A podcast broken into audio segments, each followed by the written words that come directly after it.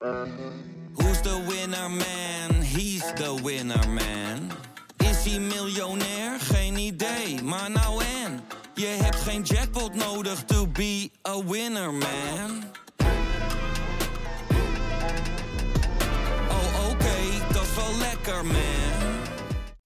Voetbal is een, is een spelletje waarbij toch niet altijd de beste wint. Ik denk als je dan toch heel objectief kijkt naar deze wedstrijd, dan vind ik niet dat de beste ploeg gewonnen heeft. Ja, dat is scorebordjournalistiek. Dat hoeft niet te betekenen dat je dan minder bent als ploeg en ook niet minder hebt gespeeld. Ja, jullie zijn altijd heel goed om eh, resultaat. eh en scorebordjournalistiek heeft ooit uh, Koan dat genoemd. Eh, het gaat om de wijze waarop je voetbalt. Ja, dat is wel makkelijk scorebordjournalistiek om nu daar heel erg ja op te zeggen. Ja, dat is scorebordjournalistiek.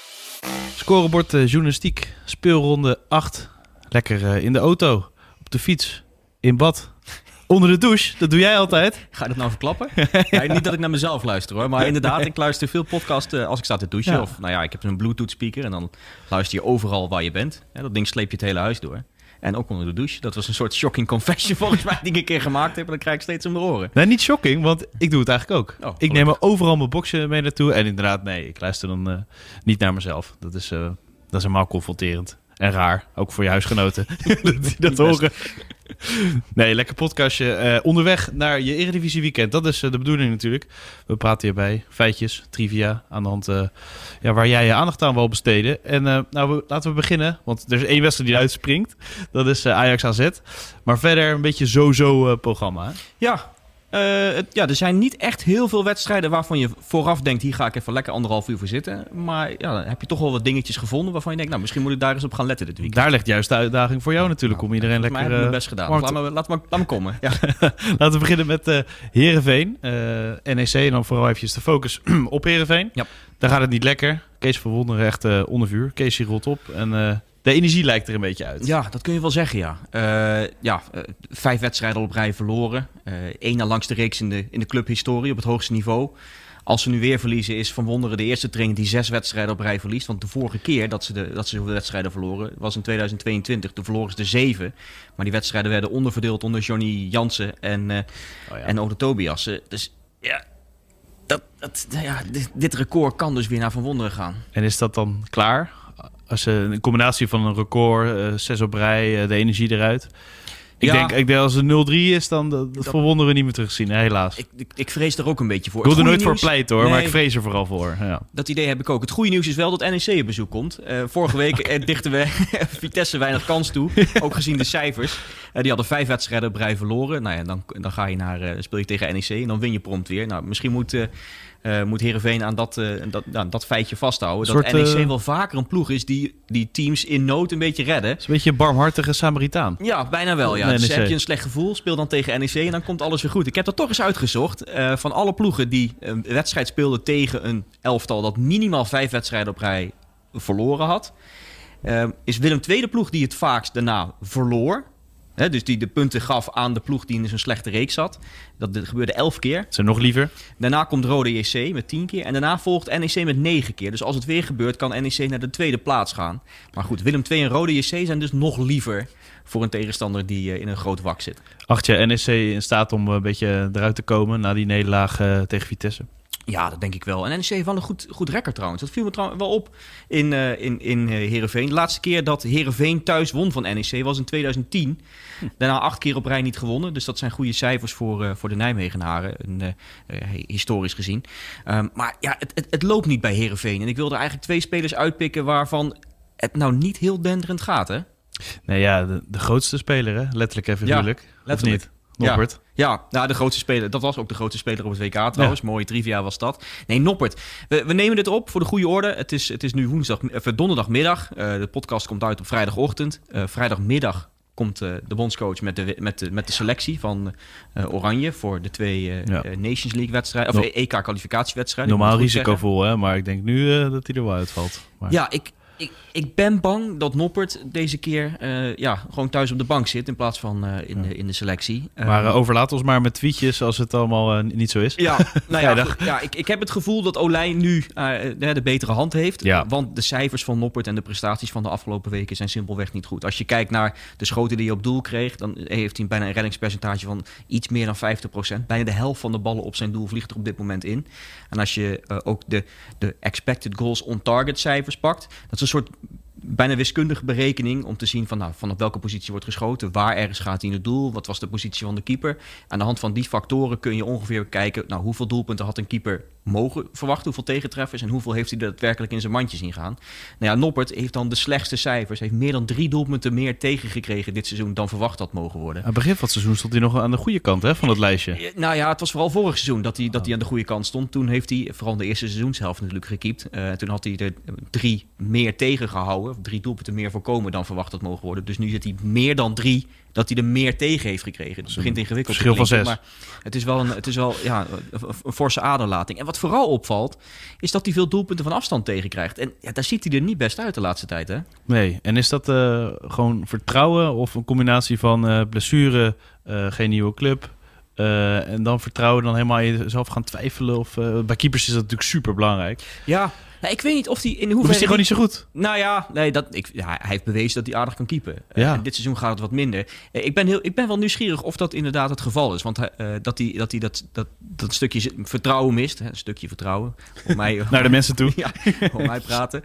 Mits dat je het zegt, krijg je een beetje vieze smaak in je mond. Maar dat je, dat, je, ja, dat je denkt van ja, speelt dat een rol bij hem? Maar hij was van de week, ik heb vor- volgens mij vorige week in de, in de, ook al de, de, de Core podcast geciteerd. Misschien was het in ZSM, anders in scorebordjournalistiek. Eh, maar daar hadden ze uh, Nopper te gast. Eh, en hij is zo nuchter. Ja. Dat ik bijna het idee kreeg dat hij te nuchter was om Nederland door die penalty-serie tegen Argentinië heen te loodsen. Dat, Ja. dat idee kreeg je bijna. Dat je denkt, ja, maar dit, het doet echt, het, het doet echt helemaal niks met jou, hè? Maar hij is Dus- gewoon echt een wandelend cliché geworden ook daardoor. Hè? Iedereen Ja. altijd nuchtere jongen, down to earth Dat, of dat klinkt misschien een beetje, beetje flauw, maar nou ja, als je zijn prestaties dit seizoen ziet, dan zou je kunnen denken inderdaad dat het misschien aan eh, een soort vertrouwenskwestie is. Ja. Ehm, wat wel, wel, wel opvalt, Herenveen in de laatste vijf wedstrijden steeds minimaal één doelpunt tegen van buiten het strafschopgebied. Zes doelpunten in totaal al. Dat is meer toeval. dan heel vorig seizoen. En als je dan die doelpunten gaat kijken, dan is het toch Noppert die er een paar keer echt niet best uitziet. Ja, en dan denk je toch. Het is misschien niet het moment nu om bij het Nederlands elftal te zitten. Misschien Nee. zijn we achterhaald. Hè? Als dit Ja. uitkomt eh, en een paar uur later komt dan... eh, Keept hij geweldig. Komt, eh, nou ja, ik bedoel meer, komt dan de, de, de voorselectie of de Ja. selectie, de definitieve selectie uit. En misschien zit hij er wel bij, maar puur op basis van wat we de afgelopen Ja. weken gezien hebben, zou ik het niet gek vinden als eh Olij erbij zit in plaats van, eh, van Noppert. Want keepers, het is soms lastig in data te vatten. Ja. Maar dan pak je het optische erbij. Maar eigenlijk allebei eh straalt negatief uit op hem. Dus dan, dan kan je wel de conclusie trekken van oei. Mo- moet je hem nou laten staan? Eh, als je- Heerenveen. ja, want Van Wonderen gaat op een gegeven moment ook denken... ja, er wordt aan mijn stoel eh, poten gezaagd. Als ik hem gewoon laat staan, gaan we misschien wel door waar we gebleven waren. Ik kan wel iets veranderen in die verdediging. Ja, het zou een oplossing kunnen zijn. Dus een is ook- call misschien ja, voor heel de ploeg. Het voelt Zou je het kunnen gebruiken? Ja, zo is het misschien. Het voelt ook misschien wel dan bijna als een soort laatste redmiddel voor Van Wonderen zelf. En misschien Ja. moet je dat dan Ook net weer niet doen. Ja, nou ja. Ja, Maar... Andere speler trouwens, die het ook niet zo best doet. En, en waar ik ook meer van verwacht had, is Sarawi. Ja, dat was aan het begin juist de voetballer waar je eh, ja, gewoon heel veel van verwachtte. Omdat hij ja, qua dribbels, het, Ja. er zo, het ziet er zo lekker uit gewoon. Ja, ik vond hem, eh, hij kwam, ik meen in de winterstop eh, eh, eh, naar, eh, naar Heerenveen. Ik vond hem echt een van de sensaties afgelopen jaar in de tweede seizoen zelf. De dribbelen, het gemak waarmee hij zo door die verdediging heen gleed van de tegenstander. Het zag er echt heel indrukwekkend uit. Weet je, à la Halilovic, hè? Ja. Dat, dat je zo zit te genieten van een pure voetballer. Klopt, klopt. En, en nu, kijk, als je puur kijkt naar wat hij gepresteerd heeft. Drie goals en één assist. Nou, Heerenveen heeft volgens mij negen doelpunten gemaakt. Dus hij is bijna Ja. bij de helft van de doelpunten betrokken. Zou je kunnen zeggen, heeft het nog wel goed gedaan. Maar als je dan kijkt naar zijn, zijn onderliggende cijfers. eh, Het meest schokkende vond ik dat de laatste keer dat hij een kans creëerde voor een ploeggenoot. Dus dat hij een ploeggenoot in stelling bracht, was eind augustus. Ja. Hij heeft nu bijna vijf en half uur op het veld gestaan zonder een kans te creëren voor een ploeggenoot. En dat is toch wel heel schrijnend. Eh, kijk, je dan nog iets dieper, hij gaat wel meer dribbles aan, maar het slagingspercentage is echt voorslager dan vorig seizoen. Vorig seizoen kwam hij in meer dan de helft van de gevallen voorbij zijn tegenstander. Nu is dat nog maar 36 procent. creëert dus ook veel minder. Ook zijn expected assists, daar, had je, kijk je dan ook nog even naar. Misschien hè, de ballen die hij geeft. Ligt het dan misschien aan, aan een ploeggenoot die over een bal heen maait of wat dan ook. Maar ook de expected assist gaan een beetje omlaag. Ja, dan valt het toch een beetje tegen. En, en dan hoop je juist als Herenveen in een wak zit, dat hij, hem de, hij die ploeg eruit kan halen. Maar ook dat komt er dus niet echt uit. En, en misschien is hij dus wel ook wel een beetje gevoelig voor de hele sfeer en de hele, ja. ja de hele, het hele gedoe daar in het elftal geen mooi weer eh, voetballer, maar een uh, mooie sfeer voetballer. Nee, Zoiets. wel, ja, wel mooi uitgedrukt. Ja, misschien is dat het. Laten we hopen dat hij er weer bovenop komt. Want, anders, want als dat zo is, als hij er weer, weer presteert, dan is het echt een sensatie voor de Eredivisie. Hè? Ja, want het, ik zei mooi weer voetballer, maar het is nu natuurlijk juist nog goed weer. Dus laat staan dat de blaadjes echt gaan vallen. Als het echt koud wordt, heeft hij echt een probleem. ja, ja, goed. Het, misschien schiet er eentje in. Het is wel een jongen uh, als hij weer één goal maakt, dat het weer helemaal uh, los kan gaan, toch? Ja, maar ik, ik, ben toch wel benieuwd, en daar ga ik dus dit weekend op letten, hoe het zit met die dribbles, eh, waarom ja. hij dan zijn tegenstander niet voorbij gaat en, en waarom hij dus al ja, in de hele maand september geen kans gecreëerd heeft voor een ploegenoot. Ja, het vertrouwen moet uh, terugkomen in Heerenveen, ja. dat is duidelijk. nog wat kwijt over deze wedstrijd? nee, ja, behalve dan dat ik het opvallend vond dat NEC ja. een goede serie heeft hier. En, nou ja, als het dat dat is iets waar je niet zomaar over nadenkt, als je op de fiets zit naar je werk. Of, nee, dat NEC, hoe zou NEC dat NEC sinds 2010 niet meer verloren heeft in, in Heerenveen. Dat is wel knap. Dat pik je even mee. Wat ook knap is, uh, wat uh, Excelsior aan het doen is op dit moment. Hè? Want uh, ja, nou ja, de voorspellingen, voorspellingen kan je erbij pakken. Mensen zetten ze gewoon op 18 natuurlijk. Ja. Aan het begin van het seizoen. Is ook niet gek met de kleinste begroting. Nee, je dat denkt. tuurlijk. Maar ze gaan voetballen en nu komen die resultaten echt. Ze verrassen ook ja, in Heerenveen met de 0-3. Met een geweldige drieus. Je hebt hier opgeoefend. Ja, ja, ja, niet die drie wedge, maar, maar ik heb hem een keer uitgelegd al in de scoreboardjournalistiek. Dat de commentatoren over elkaar invallen hoe het nou echt is. Maar over dribbelaars en voetballers gesproken waar je vrolijk van wordt, dat, dat, is hij wel. hè? Ja. Ik wilde zo meteen een andere speler uitpikken, die misschien niet op de radar staat, maar die in cijfers wel opvalt. Maar laten we eerst eventjes gewoon ons verwonderen over die absurde seizoenstart van, uh, van Excelsior. Vijfde. Vijfde, twaalf punten al. Uh, nou ja, het zal je niet verbazen dat dit de beste seizoenstart is in de clubhistorie. En wat dan vooral opvalt, is dat ze absurd veel doelpunten hebben gemaakt. Uh, eh, 14 doelpunten al. Als je dat vergelijkt met vorig jaar, in de hele tweede seizoen zelf, dus uh, speelronde 18 tot en met 34, 17 wedstrijden, 13 doelpunten. Nu al dus meer dan in de hele tweede seizoen zelf van afgelopen jaar. Um, en ja, dat, dat, dat is knap. En je moet er uh, je pet vooraf nemen of je hoed, wat je ook op je hoofd hebt. Maar. Maar. ja, ja, dan komt hij. Er komt wel een klein maatje. De onderliggende cijfers. Ja. Die, ja, dan, die zeggen dat dit eigenlijk echt niet kan. Ja, ik was wel bang voor. Het is, ze zijn natuurlijk gewoon aan het overpresteren. Ja, het is eigenlijk, te mooi om waar te zijn. Ik heb een paar dingen om, om aan te geven hoe absurd het is dat ze nu al 14 doelpunten hebben gemaakt. En ja, hoe goed ze het doen. Uh, allereerst puur het aantal schoten. Uh, op Volendam na, die een wedstrijdje nog te goed hebben, want die wedstrijd tegen Ajax ligt eruit, uh, heeft uh, Excelsior de minste doel, schoten ondernomen. 72 maar, voor de goede orde. Vitesse en NEC ook allebei op 72. En dit is de wedstrijd Vitesse-Excelsior waar we het over hebben. Verwacht dus aankomend weekend, zaterdag, de late wedstrijd. Allebei twee schoten, klaar. Ja, verwacht niet te veel, veel schoten. Puur op wat ze dit seizoen tot nu toe gedaan hebben. Dus Excelsior, heel weinig schoten. Toch vliegt er veel in. 19% van de schoten zijn erin gegaan dit seizoen. Uh, en ook als ze hem verkeerd raken, hè, bijvoorbeeld tegen Sparta. Ja, zelfs dan vliegt hij erin. Ik, ik dacht eerst, wat een wereldgoal. Daarna ging je goed kijken. Dan dacht je, oh, wacht even. Hier had hij toch iets meer geluk dan, uh, dan wijsheid uh, wat er speelde. Dus 19% van de schoten vliegt erin. Dat, dat is misschien een beetje een getal wat, wat niet zoveel zegt. Ik, ik zal het in context proberen te plaatsen. deze cijfers worden de Opta sinds 2010, 2011 bijgehouden. Het gemiddelde dan in de Eredivisie is ongeveer 11%. De beste ploeg in al die jaren, dus over een heel seizoen, was Ajax in 2018-19. Die kwam toen op ruim 17%. Maar Excelsior zit dus nu op ruim 19% En die hadden de halve finale van de Champions League hè? Ja. in dat jaar. Ja. moet je, moet je nagaan. Om even de vergelijking aan te geven hoe absurd hoog dat, dat ja. eh, de schotconversie, dus het percentage van de schoten dat nu resulteert in een doelpunt, hoe hoog dat, uh, dat getal is. Ja, en dat is echt onhoudbaar hoog. Ja, dus dat, gaat als een steen zo uh, naar nou beneden. Ja, het, het, gaat op den duur wel dalen inderdaad. Ja, dat, daar, daar kun je de donder op zeggen. En een andere, dan de laatste om... Uh, je moet toch Excelsior een beetje... kun je er niet helemaal de put in praten. Nee. Uh, ja, dat ze ook gewoon, als je kijkt naar de expected goals... veel te veel hebben gekregen. acht of negen doelpunten hadden ze mogen verwachten. Nou ja, het zijn er dus veertien. Ze zitten er achter de komma ongeveer vijf en half boven Ja, dat is wel heel veel. Dus het, grootste overpresteren van, eh, van alle ploegen dit seizoen. En ook hier denk je dan, ja, je hebt wel wat te veel gekregen voor, eh, voor wat je hebt gedaan, Excelsior. Zeker gezien ja, het aantal schoten eh, en dat soort dingen. Dus Ja. ze hebben redelijk wat geluk gehad. Eh, dat, dat, eh, ja, dat moet je ze nageven. eh, dat ze wel daarmee dan heel veel punten hebben gepakt. Eh, en, en dat je dan nu al bijna denkt van... ja, jullie gaan niet in de problemen komen dit seizoen. Dat is Ja. mooi voor ze. Ja. Alleen dit is niet houdbaar op, op, een, op een heel seizoen. Nee, want ik zie ook altijd die expected punten, ranglijstjes en zo. Dan, dan- staan ze ook wel wat lager dan die vijfde Ja, plek. Dus. ja, ik heb de exacte positie niet bij de hand. Nee, maar maar, ik zag al middenmoot een beetje daar. ja, daar moet je ongeveer eh, rekening mee houden. maar dat En- zou ook geweldig zijn. Dat, Ja. dat is het natuurlijk ook. Wat stel ze zijn, eh, ze worden elfde of zo. Hebben ze ook een heel goed seizoen. Nee, helemaal gelijk in. Helemaal Dus ja. gelijk in. En, en het is ook de speelstijl die je hanteert. Hè. Ik, ik zei in het begin al, ze hebben het laagste, eh, laagste begroting van alle 18 ploegen. Dan moet je creatief zijn met de spelers die je haalt, met de speelstijl Met die een je super slecht veld neerleggen. hebt. ik, wil niet heel, ik wil niet heel cynisch zijn, maar het, was wel echt tegen Sparta dat je denkt van ja, is dit, is dit soms überhaupt wel voetbal? Je ziet, je ziet echt ploegen gewoon een Mhm. kwartier lang wennen aan dat veld. Hè? Ja. En, en denk van, oh, die bal eh, gaat zo. eh, Hè? En dan gaan ze coachen en dan, oh, die bal staat zo, dan moeten we anders opbouwen. Het is, ja, dat is nu net niet een andere sport, maar Nee, ik, ik geef je daar wel gelijk in. En, en dat, dat is wel voor de competitie is het goed als inderdaad binnenkort, volgens mij vanaf volgend jaar of het jaar erop, ik durf niet eens te zeggen wanneer het exact is, dat de 23, kunstgras eruit 24. moet. En, eh, ja. eh, en dat we dan eh, gewoon verplicht op, op natuurgas moeten spelen. Ook heel benieuwd wat het dan voor clubs als Excelsior gaat, gaat betekenen. Maar ik zei al, je moet creatief zijn met de spelers die je haalt. Creatief zijn in de speelstijl die je hanteert. En dat zie je ook wel een beetje terug in, in de manier van spelen. Het is gewoon heel direct hoe ze spelen. Ja. En al die, al die rijtjes staan ze, bijvoorbeeld met balbezit staan ze heel laag. Passes per keer dat je het balbezit weer herovert is heel laag. Dus maar heel weinig passes. Wat ze dan doen is veel en snel naar voren. Ja. Eh, ook veel lange ballen, veel echt lange halen ook.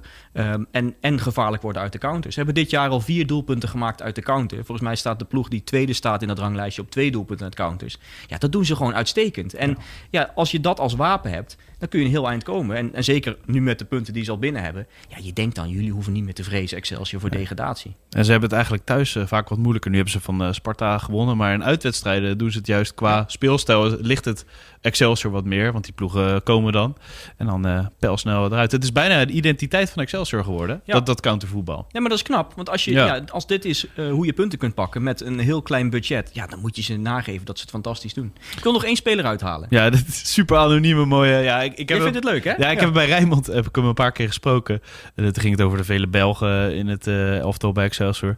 Maar het is gewoon ja, een een jongen die gewoon niet verder komt dan Excelsior, maar daar gewoon heel erg naar behoren doet en Ja. gewoon blijft. Ja, want je weet al over wie ik het wil hebben. Siebe Horemans, de rechtsback van, eh, van Excelsior.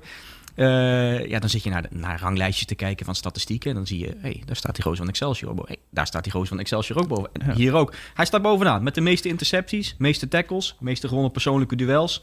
Eh, vorig jaar werd hij tweede in die interceptieranglijst. Ehm, bij Excelsior is hij ook de speler die de meeste kansen creëert. 12 stuks. Ik ga het toch weer proberen. Driehoek. Ja, goed. ja, die staat op 7. En, en even vergelijking, het is een beetje flauw, eh, maar eh 12 kansen, zoveel heeft Noah Lang bijvoorbeeld ook gecreëerd. Dus de rechtsback van Excelsior heeft net zoveel kansen gecreëerd als, eh, als de sterspeler van PSV. Nou waren dat wel betere kansen, Hmm. meer expected assist voor, voor Lang, voordat we boze brieven krijgen. Maar ze spelen wel via hem dus blijkbaar. Ja, Ja. Dus ik zou zeggen, het is de late wedstrijd zaterdagavond. ehm, Vitesse Excelsior. Ga die tv aanzetten en ga eens kijken wat die Sibo Horemans doet. Dat vind ik wel mooi. Al- al- Als iemand dit gewoon echt opvolgt, dat hij gewoon lekker voor de tv met een biertje gaat en dan gewoon Alleen specifiek naar Siebe Horenbal zit te kijken. Ja. ja. Nou, mooi. Dan eh, zou ik me ook wel vermaken, denk ik. Waar je je heel erg mee gaat vermaken, denk ik, eh, Ajax AZ.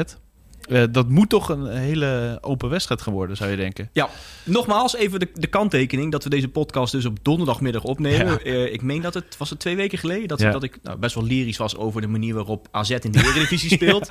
Nou ja, en En avond- Marseille zat er nog tussen voor Ajax ook toen. Ja, ja. Nou ja ik, ik was dus redelijk lyrisch over AZ. En die avond verloren ze met 4-3 nadat ze met 3-0 voor stonden uit bij Mostar. Ja, dat was Maar hebben wij het excuus. Het ging over de Eredivisie. Ja. Nou, en laten Dus- we dan nu ook op de Eredivisie richten. Ja, precies. Want eh, als we eerst kijken naar Ajax, dit wordt wel weer echt een test voor ze. Want eh HZ afgelopen twee seizoenen hebben ze, heeft Ajax er niet van gewonnen.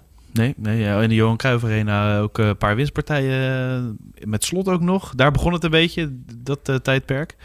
Maar ja, moet Stijn nou eh, het inderdaad vol gaan bouwen tegen AZ of eh, wel gaan voetballen? Ik denk dat het ja, vrijwel onmogelijk lijkt als je het zo analyseert Ja. op de, op de, aan de voorkant. Nou, laten we het eerst nog wat meer eh, eh, een beetje zout in de wonden strooien van Ajax. Want als je kijkt naar het aantal wedstrijden, het aantal topduels met eh, Feyenoord, PSV, AZ en Twente, dan hebben ze er 11 op rij niet gewonnen, Ajax. In die serie van 11 wedstrijden, vier punten gepakt van de mogelijke 33. Een doelsaldo, 9 voor, 23 tegen. Dus ja, Ja. die laatste 11 topwedstrijden, ja, dat was echt desastreus voor Ajax. Het is echt een, een ongekend slechte reeks eigenlijk. Maar je voelt ook wel aan van eh, dit seizoen is het natuurlijk eh, he- heel erg slecht, maar het vorige seizoen ging ook wel wat minder. Maar je hebt niet het gevoel dat het zo intens eh, slecht eh, is qua statistieken. toch? Nee, nee, en dit, nee, ik had dit eerlijk gezegd. Ja, we, we, we kennen de verhalen van de afgelopen jaren. Dat Ja. de topclubs daar re- ja, het regelmatig goed, goed deden tegen Ajax. Maar dat je, ik, moest toch, ik, ik schrok toch bijna wel Ja. weer toen ik die cijfers weer zag en, en weer boven water haalde. En er zit gewoon in je collectief geheugen dat Ajax gewoon heel sterk is in die Johan Cruijff Arena. Ja. Het kan wel een totale omkeer zijn, zo'n wedstrijd, toch? Als je een keer wel zo'n topper wint. Zeker. Maar ja, hoe, hoe zouden ze dat moeten doen? Dat vraag ik me wel heel erg af. Ik ook. Ik ook. En ik denk dat dat wel ook een beetje eh, afhankelijk is van het resultaat vanavond. En het is lastig Ja. om over die wedstrijd heen te kijken. Eh, dus dus dit is, ik vind het lastig om daar iets, iets zinnigs nu al over te zeggen. Al is het maar om, ja, kijk, als het vanavond helemaal misgaat.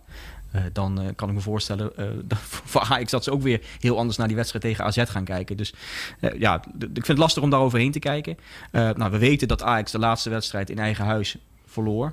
4-0 tegen Ja. Feyenoord. Oh. De laatste... Ja, je knikt verbaasd. Slecht dit. Slecht acteur. Eh, de- maar de laatste keer dat Ajax twee keer op rij thuis verloor... dan moest ik echt even... Nou, ik wil niet zeggen dat ik de, de historieboekjes moest af, eh, afpoetsen... maar eh, de laatste keer was in 2001, november 2001.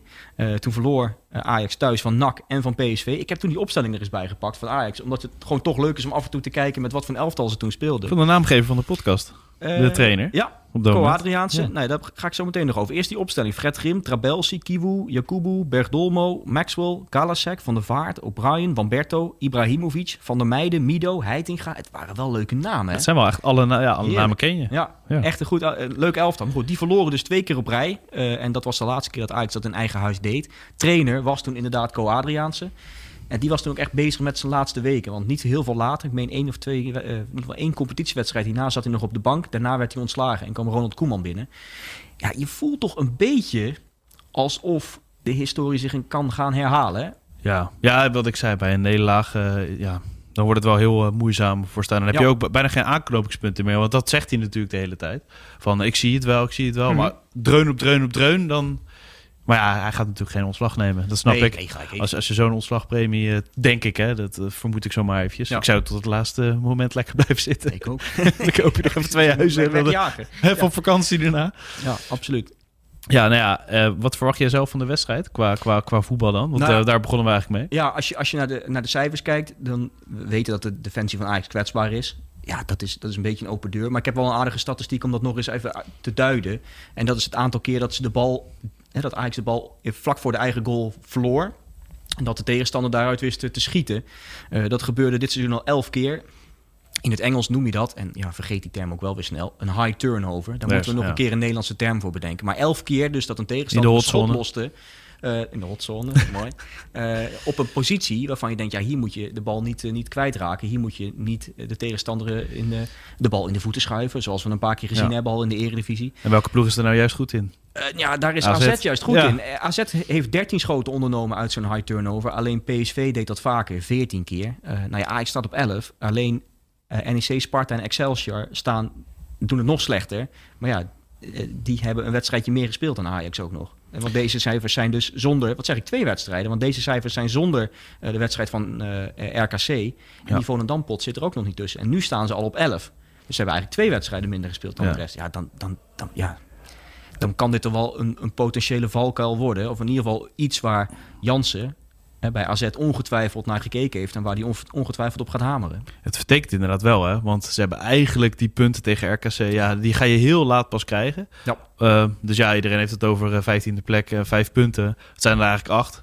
En Volendam, ja, die, ja ik durf Schrijf bijna niet te Kramer niet af, hè? Nee, nee, maar, ik durf bijna niet te zeggen. Normaal liter weer natuurlijk van Volendam. Mhm. Eh, dus dan, dan sta je ergens eh, op de zesde of zevende plek of zo. Ja. Dus Nou dat ja, voor wat, Stijn ook niet lekker. nee, en wat het voor Stijn, daar zat ik dan vanochtend toevallig in de auto aan te denken. Hè, deze wedstrijd tegen RKC, die zou je Ja, je moet, ik, ik, ik maakte net al de kanttekening. eh, schrijf Kramer niet af voor een, voor een, een doelpuntje in de 99ste Ja, minuut. dat kan. Maar dat zou Zeker. wel zo'n wedstrijd kunnen zijn die dan die negatieve streak eh, beëindigt. Waardoor je niet als slechtste trainer zus, eh waardeloze Ja. trainer zo in de boeken komt. En dat is nu wel wat misschien gaat gebeuren voor Stijn. Als hij, als hij nog een paar potjes verliest met zo'n zo'n waardeloze reeks. Ja, die had doorbroken kunnen worden. En, en die recordboekjes hadden herschreven kunnen worden als die wedstrijd tegen RKC uit was gespeeld. Maar goed, dat is allemaal als. Ja. Want als Stijn nou eh, weg is voordat RKC wordt ingehaald, tellen die punten dan nog voor Stijn of voor de volgende Dat is een trainer? goede vraag.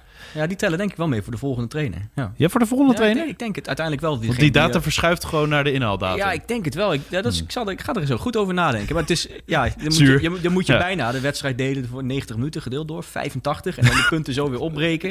Dat is wel een goede vraag eigenlijk. Ik heb, eh, ik, heb, ik heb nog gezocht. Er is geen wedstrijd geweest die ik kan vinden in ieder geval, eh, waarbij een trainer ontslagen is tijdens een wedstrijd in de Ja, Eredivisie. precies. Ja. Eh, er was een geval van eh NAC Feyenoord in 99 uit mijn hoofd. waarbij ja, de, de wedstrijd werd gestaakt. De andere trainer ervoor kwam toen de wedstrijd werd, opnieuw werd gespeeld. Maar dat was een, dat, die hele wedstrijd werd opnieuw gespeeld. Hmm. Dus je kunt dan Ja. niet echt zeggen dat er een andere trainer op de bank zat. Want die hele wedstrijd is gewoon vanaf minuut 1 weer opnieuw gestart. Dat het 0-0 was. Ja, nou ja, de- ze hebben die, ik durf de tussenstand niet exact ik- of het stond 1-1. In ieder geval hebben ze die wedstrijd opnieuw gespeeld met een andere trainer. Dus ja, dat is ook geen, geen voorbeeld eh, wat, wat, wat je zou kunnen nemen om eh, in, in deze situatie met Stijn eh, bijvoorbeeld. Maar ja, het zou dus zomaar kunnen dat deze wedstrijd met twee trainers wordt uitgespeeld. Dat is heel gek. Gek idee, ja. ja. En dan vooral eh, let op Pavlidis natuurlijk, want die blijft maar scoren. Ja, Achter elkaar. nog even tot slot nog even wat Pavlidis dingetjes. Ja. Eh, gewoon lekker hè. Zeven wedstrijden op rij gescoord. Er zijn best wel veel spelers van AZ die zeven wedstrijden op rij gescoord hebben. Oh. Dan moet je denken, dat wist ik ook niet hoor. Ik had, Nee. het, ik had het niet meer voor de geest. Eh, aan deze eeuw bijvoorbeeld eh Mounir El Hamdoui in 2008. Dat Vincent Jansen. Zo voor zijn ogen deed. Ja, Vincent Jans in 2016. Die scoorde ook Ja. zeven wedstrijden op rij. Maar nooit een speler die acht wedstrijden op rij gescoord heeft voor AZ in de eredivisie. Nou ja, dat kan eh, deze Griek nu, eh, die nu doen, Pavlidis. Ehm, en hij gaat potentieel naar een record, eh, omdat hij heeft in de eerste zeven wedstrijden van het seizoen gescoord. Er is maar één speler die in de eerste acht wedstrijden van zijn club gescoord heeft in de hele historie van de eredivisie. Dus de eerste acht wedstrijden van een voetbaljaargang. Dat was. Peter Peterson van Feyenoord, eind jaren 70. Eh, die deed het wel. Kanttekeningetje wel dat, je, dat deze berekening is gemaakt op basis van... oké, AZ speelt nu zeven wedstrijden op rij... en in al die wedstrijden speelt Pavlidis en eh, scoort hij ook. Je hebt namelijk Johan Cruijff, ik weet niet of je er wel eens van gehoord hebt... aardig, Ja, ja, aardig speler. Die maakte Die dus... van die schoenen toch van? Ja, dat klopt inderdaad. Ja, ja, van die, ja nou ja, kruisschoentjes. Eh, in de jaren 60, die maakte er 14 op een rij vanaf de seizoenstart. Maar dat, hij ontbrak in drie wedstrijdjes. Maar ook Dus- prachtig 14, hè Ja, dat is, dat is ook weer mooi. Ja. De symboliek. Maar goed, het is, hij deed het dus in de eerste 17 speelronden. Maar omdat hij een paar wedstrijdjes ontbrak, Telt niet. telt, telt dat niet echt als een start vanaf, hè, als vanaf het begin van het seizoen. Dus dat is dan wel weer jammer. Het was mooi geweest als dit record in handen zou zijn van Cruijff met 14. Ja. Al is het maar voor de, gewoon de symboliek en de, en de historie van de eredivisie. En dat die Kruif achterna kan als hij deze maakt. Ja, ja, maar goed, Ja. hij moet dus eh Peterson achterna. En ja, eh, als AZ druk zet, jaagt. Ik zie het wel gebeuren. Ik, eigenlijk eh, imagineren van Louis van Gaal, dan zie ik inderdaad Pavlidis juist wel scoren. Ja. In de Johan Cruijff Arena. Wat denk je dat het gaat worden? Oeh, ik denk eh, gelijkspel, eerlijk gezegd. Dat het eh, ja, de impasse eigenlijk doorzet. Want ja, je gaat niet Stijn eh, eruit gooien omdat je gelijk speelt tegen AZ natuurlijk. Eh, maar het is wel ook een prima resultaat. Kan je maar weer mee verder. Ziet weer lichtpuntjes. En dan zo modderen we zo een beetje richting eh, de transperiode, denk ik, voor Ajax. Ja. En dan moet er weer wat gebeuren. Maar ja, het kan natuurlijk totaal wat anders zijn. Wat denk jij? Eh, 2-2 ga ik voor. 2-2. Oh, ja, ook nu- gelijk spelletje. Ja, Ja, ja, ja, jij ik denk ook een idee. En ik 1-1, denk eh. nu 2-2. Een paar doelpuntjes. Pavlidis met een doelpunt om, om dat record te evenaren.